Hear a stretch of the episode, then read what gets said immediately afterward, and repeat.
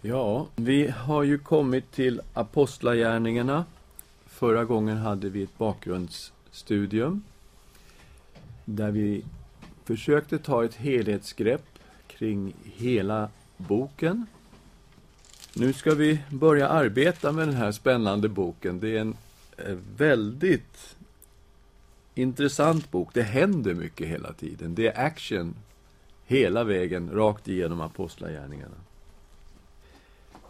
Vi valde den indelning som Jesus ger i sin programförklaring i kapitel 1, vers 8. Men när den heliga Ande kommer över er ska ni få kraft och bli mina vittnen i Jerusalem och i hela Judeen och Samarien och ända till jordens yttersta gräns. Och då har vi använt den programförklaringen som vi då kan följa faktiskt genom apostlagärningarna som Jesus ger. Jerusalem, de första sju kapitlen. Judeen och Samarien, kapitel 8 till 12. Och sen till jordens yttersta gräns, kapitel 13 till bokens slut, som slutar i huvudstaden Rom. Eh, Eh, vi ska ju titta på första kapitlet, alltså tiden före pingstdagen. Vi har en inledning framför oss, några slutliga instruktioner före himmelsfärden. Och så har vi Jesu himmelsfärd och en ny apostel som väljs i Judas ställe. Det är vad vi ska titta på idag.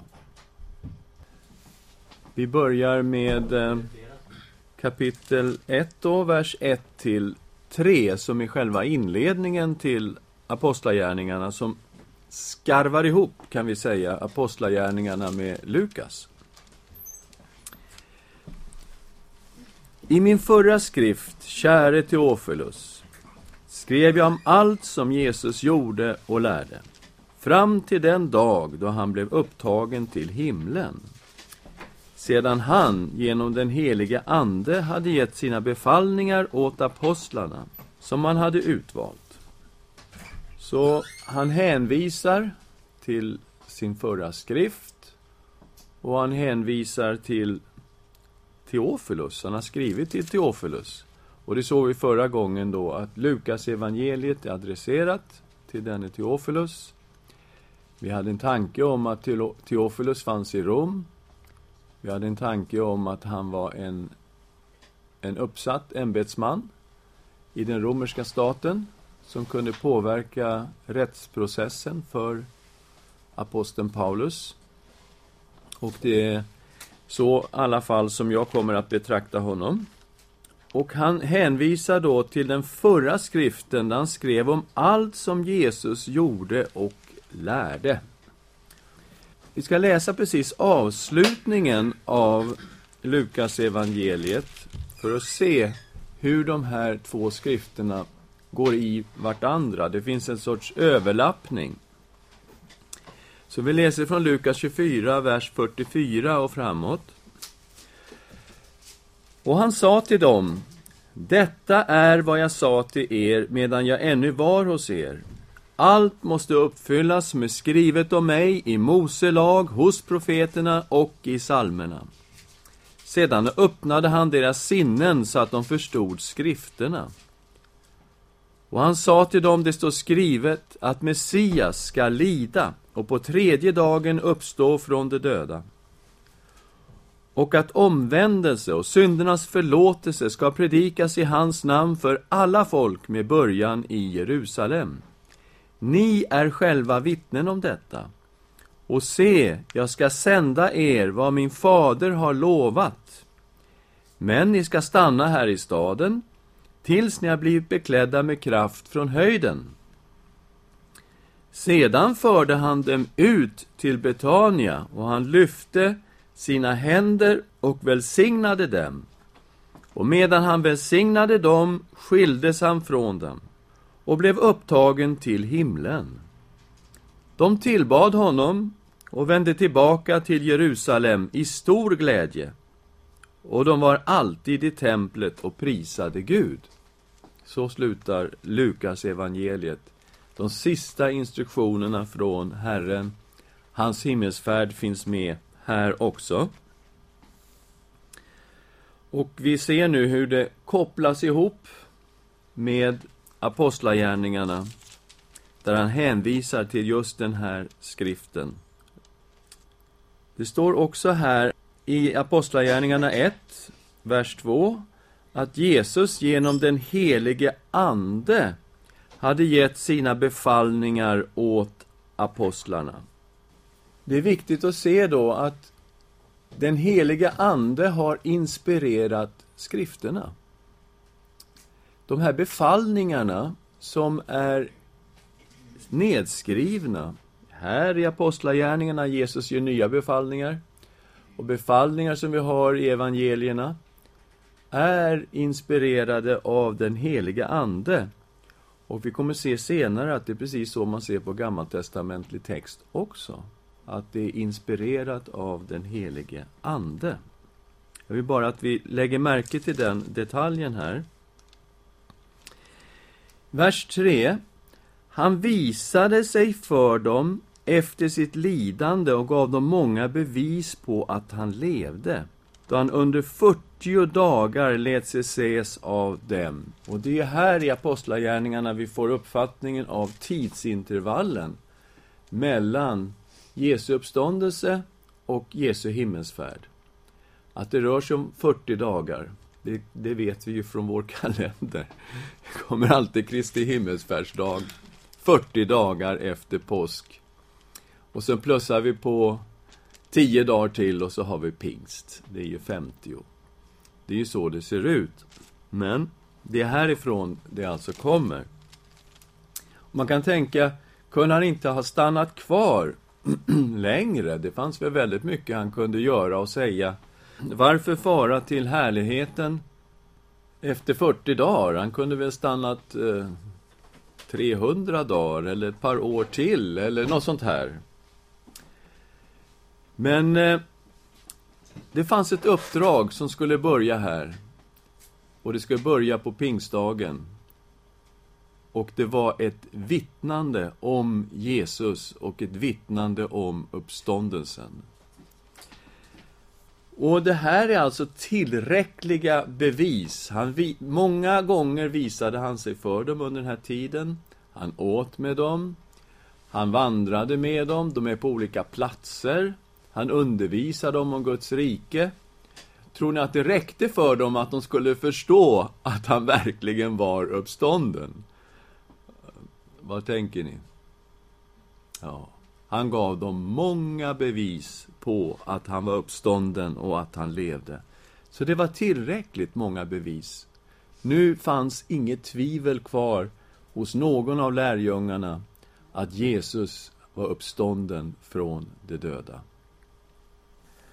Det står att det är 40 dagars undervisning om Guds rike. Och vi vet ju att det är egentligen en fortsättning på vad Jesus undervisade när han gick på jorden. När han undervisade lärjungarna just om Guds rike. Och det är den undervisning vi har i evangelierna. Han ger dem några slutliga instruktioner innan han lämnar dem. Det här är det sista vi har innan Jesu himmelsfärd. Och vi läser från vers 4 till vers 8. Vid en måltid tillsammans med apostlarna befallde han dem Lämna inte Jerusalem utan vänta på vad Fadern har utlovat och det som ni har hört av mig. Ty Johannes döpte med vatten, men ni ska om några dagar bli döpta i den helige Ande. När de nu var samlade frågade de honom, Herre, är tiden nu inne för dig att återupprätta riket åt Israel? Han svarade dem, det är inte er sak att veta vilka tider och stunder som Fadern i sin makt har fastställt. Men när den helige Ande kommer över er ska ni få kraft och bli mina vittnen i Jerusalem och i hela Judeen och Samarien och ända till jordens yttersta gräns. Det här är de sista instruktionerna som kommer ifrån Jesus. Först kommer vänta i Jerusalem på andedopet. Detta är alltså, säger Jesus, vad Fadern har utlovat och som ni har hört av mig. Och det har vi sett på flera ställen i evangelierna. Inte minst läste vi det också i avslutningen av Lukas, att de skulle stanna kvar i staden och vänta på det som Fadern hade utlovat. Det kom också i slutet av Lukas. Och att Johannes döpte med vatten, men att de ska bli döpta om några dagar i den heliga Ande. Det är ju ett eko från vad Lukas har skrivit i det fjärde kapitlet, vers 15 och 16, där det handlar om undervisningen från Johannes döparen. Johannes svarade dem allesammans. Jag döper er med vatten. Men det kommer en som är starkare än jag. Och jag är inte värd att knyta upp hans sandalremmar. Han ska döpa er i den helige Ande och i eld. Här har vi det, att det ska bli ett dop i den helige Ande och i eld. Och det är vad Johannes talade om, att den som kommer efter honom, som är så mycket starkare än vad han är, och han är inte ens värd att knyta upp sandalremmarna på honom. Han ska döpa i den helige Ande. Och Jesus säger alltså här nu till lärjungarna i Apostlagärningarna 1 Stanna i Jerusalem tills ni kommer att bli döpta i den helige Ande. Så de vet att nu är det dags. De vet inte vad det kommer att innebära, det tror jag inte. Men de vet att det är dags. De kommer snart att bli döpta i den helige Ande. Här kommer en intressant detalj som vi kristna har lite svårt att hantera. Det är så roligt att hålla på med tider och stunder. Eh, och räkna ut olika saker och säga Jesus kommer tillbaka år si och så och, och så. Va? Och det kommer en fråga här. Är tiden nu inne för det att återupprätta riket åt Israel? Han svarade dem, det är inte er sak att veta tider och stunder som Fadern i sin makt har fastställt. Ja, vad ska vi göra då? Ska vi hålla på med tider och stunder? Nej. Vi ska inte hålla på med tider och stunder, det är inte vår sak. Men vi ska vara redo. Och vi ska vara väntande.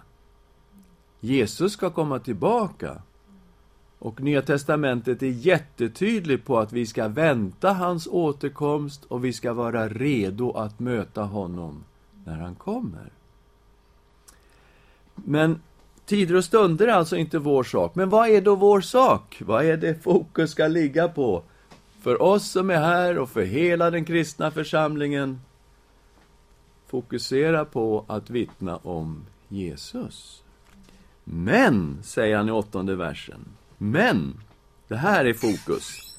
När den helige Ande kommer över er ska ni få kraft och bli mina vittnen i Jerusalem, i hela Judeen och Samarien och ända till jordens yttersta gräns. Det är vad vi ska fokusera på att vara vittnen för Jesus. Den helige Ande är alltså den som kommer att ge kraft till det här. De kommer inte att klara av att vara Jesu vittnen i egen kraft. Och försöker de egen kraft så tror jag inte det händer någonting heller. Därför att församlingen har alltså inte makt att föda människor på nytt. Församlingen har inte makt att förlåta synder. Församlingen har inte makt att frälsa någon. Men Jesus, han har den makten. Och om vi försöker göra det här själva, ja, det är ju det hörs ju redan från början att det är ju helt dödfött. Hur ska vi kunna ge någon evigt liv? Är det någon här som kan räcka upp handen och säga, men jag har den makten, jag kan dela ut evigt liv? Nej. Så det är totalt avgörande att det är Guds verk genom församlingen. Annars händer ingenting.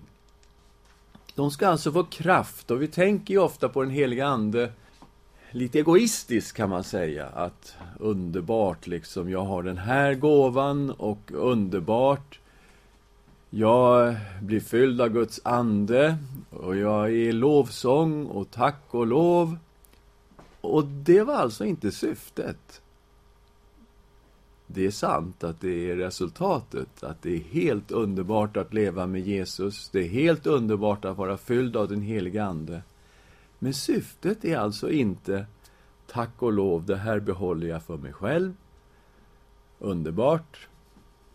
Det är inte syftet. Syftet är att de ska få kraft att bli Jesu vittnen. Till jordens yttersta gräns. kan man argumentera för att vi är vid jordens yttersta gräns när man är i Sverige. Man är liksom väldigt långt norrut på jordklotet. Men vi vet ju att det finns många folk som fortfarande väntar på att få höra evangelium. Och jag hörde det senast i veckan varför vi inte har fått höra det här tidigare. Och mitt svar var förlåt oss för att vi inte har fört evangelium till er tidigare. Det är nämligen vårt uppdrag och vårt ansvar att folken ska få höra om Jesus.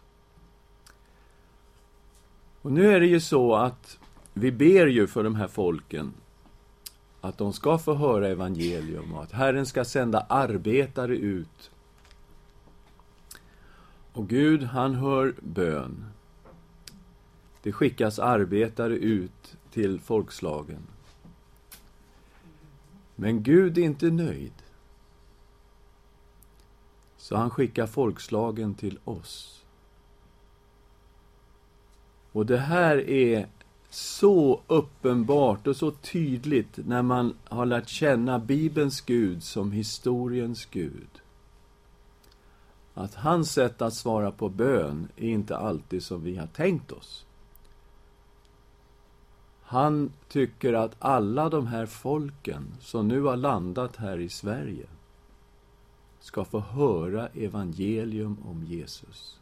Få den här möjligheten som inte har givits dem i generation efter generation efter generation. Nu har vi chansen. Och han säger ungefär till oss så här, ni har fått 50 000 iranier, räcker det eller vill ni ha fler? Det är vad Gud säger. Och folken kommer in som aldrig hört evangelium. Vet aposteln Paulus, han satte en ära i att predika evangelium för dem som aldrig hört. De som aldrig hört, de är våra grannar. De bor mitt ibland oss. Och vi har alltså den här möjligheten nu att dela den ära som aposteln Paulus hade framför sig. Att få förmedla kärlekens evangelium från Gud till dem som aldrig hört. Här är vårt fokus och här är vårt uppdrag, Apostlagärningarna 1 och 8. Vi kommer till Jesu himmelsfärd och vi läser vers 9 till 11. Då han hade sagt detta såg de hur han lyftes upp, och ett moln tog honom ur deras åsyn. Medan de såg mot himlen, dit han for upp. Se, då stod två män i vita kläder hos dem, och de sa Ni män från Galileen, varför står ni och ser mot himlen? Denne Jesus, som har blivit upptagen från er till himlen, han ska komma igen på samma sätt som ni har sett honom fara upp till himlen. Jesu himmelsfärd. Han som kunde gå på vattnet. Han som talade till stormen och sa att tig var stilla. Nu finns ingen gravitation längre. Gravitationen är upphävd. Och Jesus lyfter rakt upp från Olivberget, från Oljeberget i Jerusalem. Är det viktigt? Vad säger ni? Det är viktigt. Hela vår frälsning är så sammanbunden med Jesus.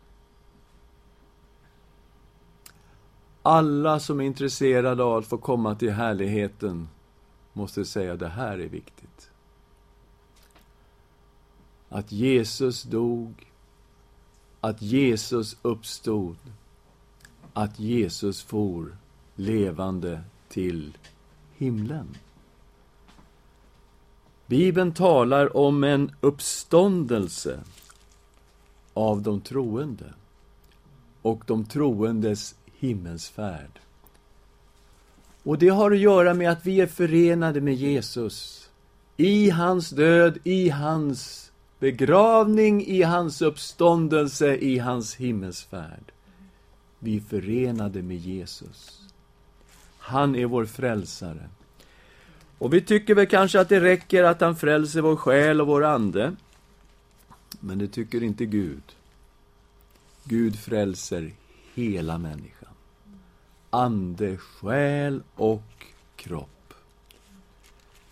Han är vår skapare. Han har skapat oss med ande, själ och kropp. Han frälser hela människan. Inte bara vår ande. Vad säger ni om detta? Första Thessalonikerbrevet 4, vers 16. Ty när en befallning ljuder, en ärkeängels röst och en Guds basun, då ska Herren själv stiga ner från himlen. Och först ska det som dött i Kristus Jesus uppstå. Därefter ska vi som lever och är kvar ryckas upp bland molnen tillsammans med dem och möta Herren i rymden. Och så ska vi alltid vara hos Herren. Trösta därför varandra med dessa ord. Jesus uppstod i en förhärligad kropp. Och man läser till exempel Första Korinthierbrevet 15, eller man läser Filipperbrevet 3, så ser vi att Gud kommer att förvandla dessa jordiska kroppar till Kristi förhärligade kropp. Och här står det om de dödas uppståndelse. Först ska de i Kristus döda uppstå. Sen ska vi som ännu lever kvar när Jesus kommer tillbaka, tillsammans med dem. Tillsammans med vilka då? Alla som nu är helt färskt uppståndna från de döda. Ryckas upp. Det ska bli en himmelsfärd. Och vi ska alltid vara hos Herren. När sker det här? När Jesus kommer tillbaka. Okej. Okay. Är den här himmelsfärden nu som Jesus har gjort, är den viktig? Och han är vår frälsare genom liv, genom död, genom himmelsfärd, hela vägen. Han är farkosten. Om man tar första Petrusbrevet 3 och bilderna där av, av arken Guds domar som gick över världen kommer en dag till att gå över världen. Men då var arken som räddningen, står om åtta personer som blev räddade i en ark. Och så drar Petrus bilden av att Kristus är som den här arken. Vi är förenade med honom. Vi förs i Kristus genom liv och död och uppståndelse ända till himlen. Amir. En färdtjänst. Himmels färdtjänst.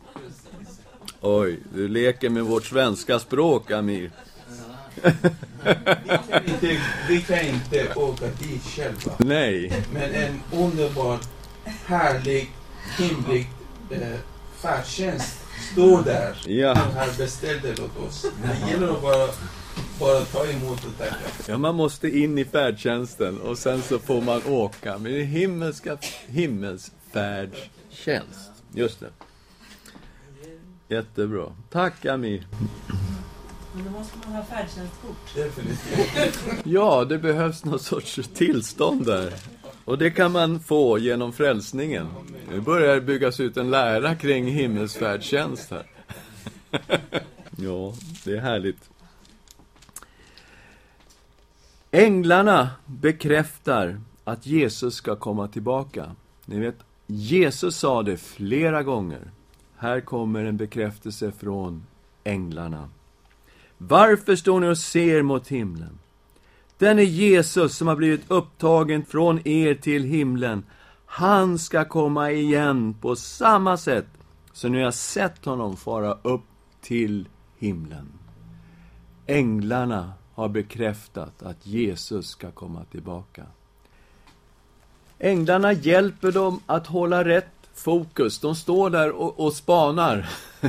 Jesus har ju farit upp, ett moln har tagit honom och de, ja, jag skulle ju själv stå där och bara titta alltså och sen fem timmar efteråt skulle jag nog stå likadant och titta. Men änglarna hjälper dem på något sätt med sin fråga. Varför står ni och ser mot himlen? Ni har ett uppdrag. Jesus har precis talat om för er vad ni ska fokusera på. Ni ska inte lämna Jerusalem. Ni ska stanna här. Om några dagar ska ni bli döpta i den heliga Ande. Håll fokus. Tänk på vad som händer nu. Det här har betydelse för hela världshistorien, vad som händer de kommande dagarna. Och det vet vi som sitter här uppe i kalla Norden. En ny apostel väljs i Judas ställe. Och vi kommer till vers 12. De vände tillbaka till Jerusalem från det berg som kallas Oljeberget och som ligger nära staden, en sabbatsväg därifrån. Och när de kom dit gick de upp till det rum i övre våningen där de brukade uppehålla sig. Petrus, Johannes, Jakob, Andreas, Filippus, Thomas, Bartolomeus, Matteus, Jakob, Alfeus son, Simon ivraren och Judas, Jakobs son. Alla dessa höll endräktigt ut i bön tillsammans med några kvinnor och bland dem Jesu mor Maria och vidare hans bröder. Jag tror att vi kan säga att änglarnas budskap gick hem. Det gjorde det. De eh, gick tillbaka till den här salen. Oj, vad som händer i denna sal där på övervåningen. Det är där nattvarden instiftas. Det är där de nu är församlade endräktigt i bön. Och de väntar. När kommer andedopet? När kommer den heliga Ande, som Jesus sa? Det är där de är i bön. Jesu mor är med, och bröderna. Det är intressant, eh, därför att de var ju inte med Jesus när han vandrade på jorden. Men Paulus är ju så tydlig att Jesus har visat sig för Jakob. Jesu bror Jakob, den äldste av Jesu halvbröder. Och eh, de är där. Ända ifrån början. De är med här nu. Och de är också med i väntan på andedopet. Och Petrus han väcker behovet av en tolfte apostel. Vi kommer till vers 15. En av de dagarna trädde Petrus fram bland bröderna. Omkring 120 personer var då samlade och sa Mina bröder, det ord i skriften måste uppfyllas som den helige Ande genom Davids mun hade förutsagt om Judas, han som blev vägvisare åt dem som grep Jesus. Han räknades som en av oss, och denna tjänst hade fallit på hans lott. För pengarna som han fick för sitt brott skaffade han sig ett jordstycke, och han föll framstupa så att buken brast och alla hans inälvor rann ut. Detta blev känt för alla som bodde i Jerusalem. Och det jordstycket kallas på deras språk Akeldamak, blodsåken.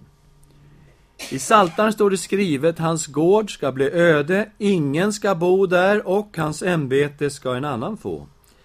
Därför måste en av de män som var med oss under hela den tid Herren Jesus gick in och ut ibland oss, från det att han döptes av Johannes till den dag han blev upptagen ifrån oss, en av dem måste tillsammans med oss vara ett vittne om hans uppståndelse.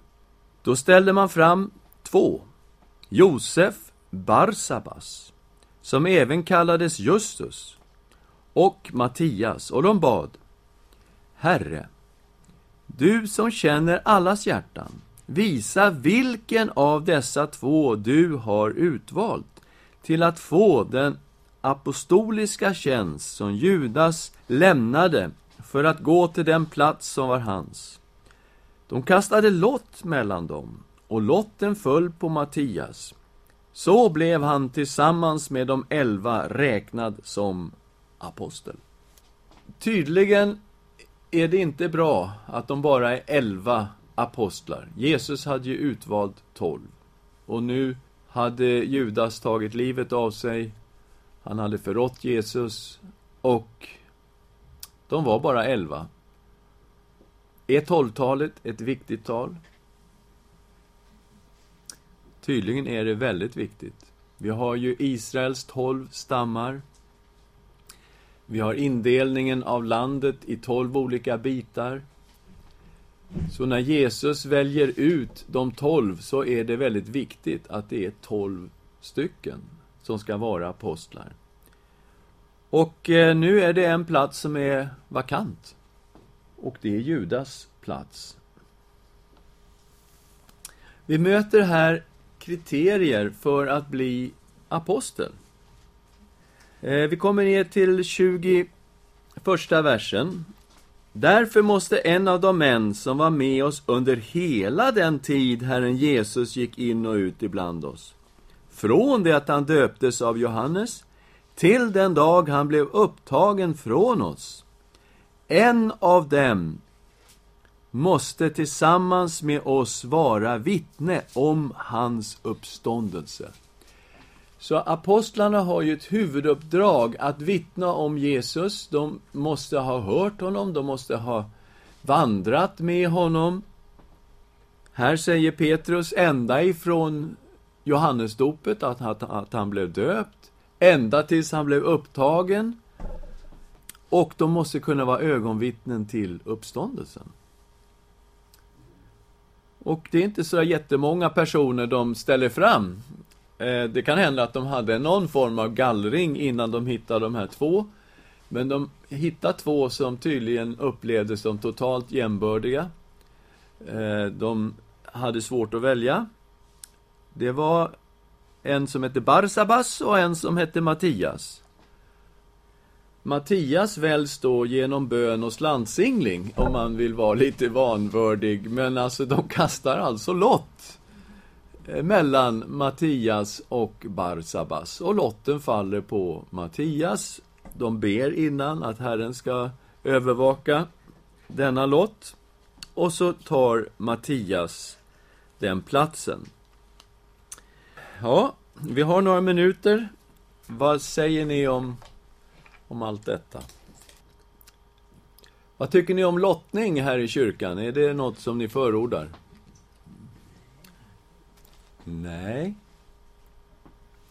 Och vi anser väl då att det har skett en skillnad i och med att den heliga Ande kommer på pingstdagen. Församlingens födelsedag är ju pingstdagen. Och eh, när vi kommer till apostlamötet i Jerusalem i kapitel 15 det beslut de fattar där har ju ingenting med lott att göra, utan det är vi och den heliga Ande har beslutat, och så kommer då vad de har beslutat. Det känns som det här mer är en gammaltestamentlig ordning som får ett slut vid pingstdagen. Det är väl så vi ser det. Men, eh, ja, intressant förfarande. Har ni några kommentarer kring Judas? Kan man tolka det? Man tycker man hör att han tog sitt liv. Här står det att han föll framstup. Ja, det är två texter som vi har att förhålla oss till. Det är Matteus 27, med början i vers 3.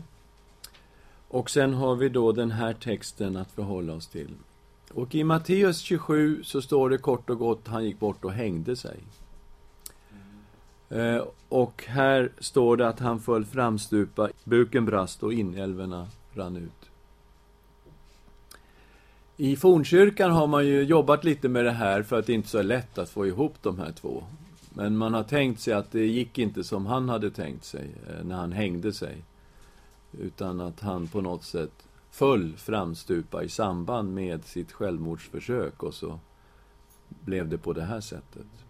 Man har alltså fört ihop de två texterna och sagt att båda två stämmer, men det blev på det här sättet. Och då ser man det här som ett tillägg till Matteustexten. Det är ett svar. Jag vet inte om det är ett bra svar, men det är ett svar. En annan fråga det här. Ja. Bröderna, står det att de var 120. Mm. Intressant. Kan du berätta lite? Förutom de här 12 så att säga kring Jesus så var det Mm. alltså ytterligare som Ja, det var ju... Ja, det var ju... Det ser vi i evangelierna också, att det fanns både män och kvinnor som följde honom som inte var bland de tolv. Han utvalde ju de tolv bland en grupp eh, lärjungar. Och här eh, får vi ju det intrycket också att det är ett antal människor som tror på Jesus och är hans sanna lärjungar och efterföljare hela vägen. Och jag tror ju också att ett antal av dem som blev frälsta på pingstdagen hör egentligen till den här gruppen. Men de hade varit lite fega och stuckit och gömt sig och så vidare, var inte med hela vägen. Men när Petrus ställer sig upp på Prinsdagen och predikar, det kommer 3000 tro på en gång. Det är klart man kan tillskriva det eh, att då föll den heliga Ande och då vart det kanon. Så 3000 kom till tro på en dag, det är sant. Men Jesus har i alla fall talat till en stor del av de här människorna.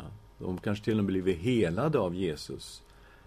Eh, så att, mm, jag tror vi får tillskriva en hel del av den frukten på pingstdagen till Jesu verksamhet. Det fanns människor som följde honom, förutom de tolv. Vad säger ni om det här med apostlar då? Vilka kan kallas för apostlar?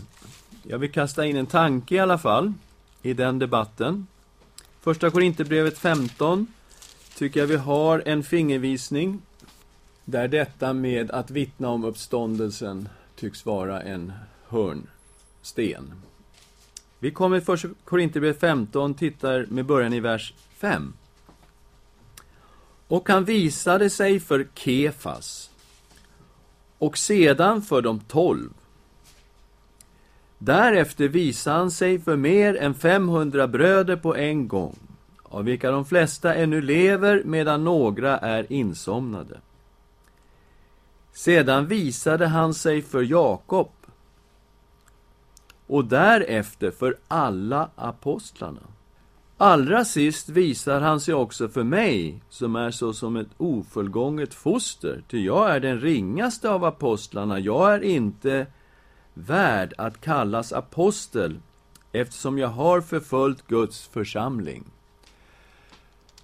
Det här är alltså uppräkning av människor som har mött den uppståndne Jesus Kristus. Han har visat sig för Kefas, sen har han visat sig för de tolv. Och då måste det vara de tolv apostlarna. Vi kan inte tänka att de tolv är någonting annat än de tolv apostlarna. Han har alltså visat för Kefas, han har visat för de tolv. Därefter visar han sig med, för, mer än 500 personer på en gång. Och de flesta levde. Och sen visade han sig för Jakob, och det är alltså Jakob, Herrens bror, hans egen bror, eller halvbror. Och därefter för alla apostlarna. Och då kommer apostlarna in här i någon sorts vidare begrepp.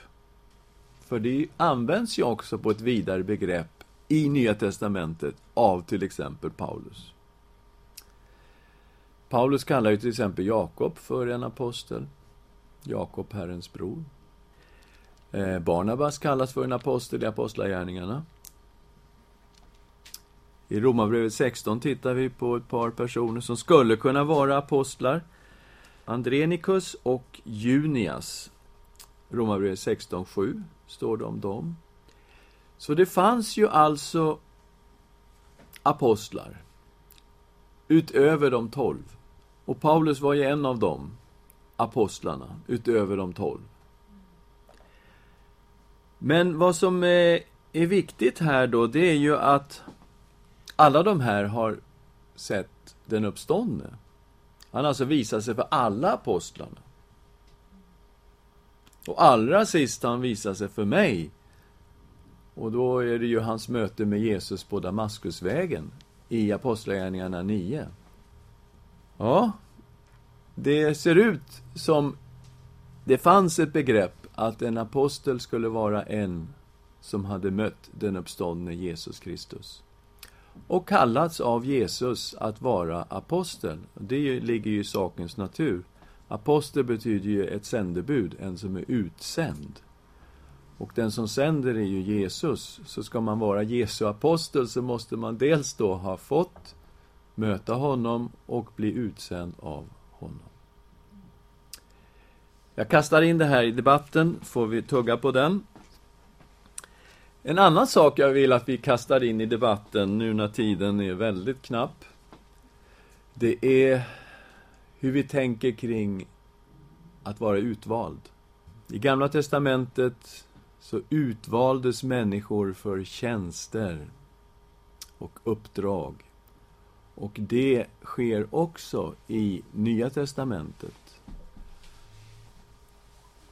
Men det är lätt för oss att när vi läser ordet utvald att tänka, jaha, de är utvalda till frälsning.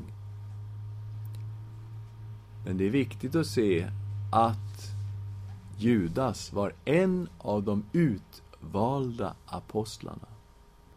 Har jag inte utvalt er, ni tolv, säger Jesus i Johannes 6, och likväl är en av er en djävul. Så han har ju utvalt Judas. Och det möter oss här i Apostlagärningarna 1. Hans ämbete. Han var alltså utvald till en tjänst. Inte utvald till frälsning. Men han var utvald till en apostolisk tjänst. Hans ämbete tage en annan. Och de måste alltså hitta någon. Och de ser i Gamla Testamentets text, ser de alltså att någon ska ta hans ämbete. Och om man tittar ända ner till 24 versen i den här bönen där de ber och 25 versen till att få den apostoliska tjänst som Judas lämnade för att gå till den plats som var hans. Så han var ju utvald. Han hade ju den här tjänsten. Men han var inte utvald till frälsning. Det tror jag vi alla kan hålla med om. Så det här stoppar jag in också i debatten, att tugga och tänka på när vi möter ordet utvald, vad det kan stå för. Låt oss be tillsammans. Tack gode Gud för ditt levande ord. Öppna våra ögon för det vi inte förstår och led oss vidare in i skrifterna. I Jesu namn. Amen.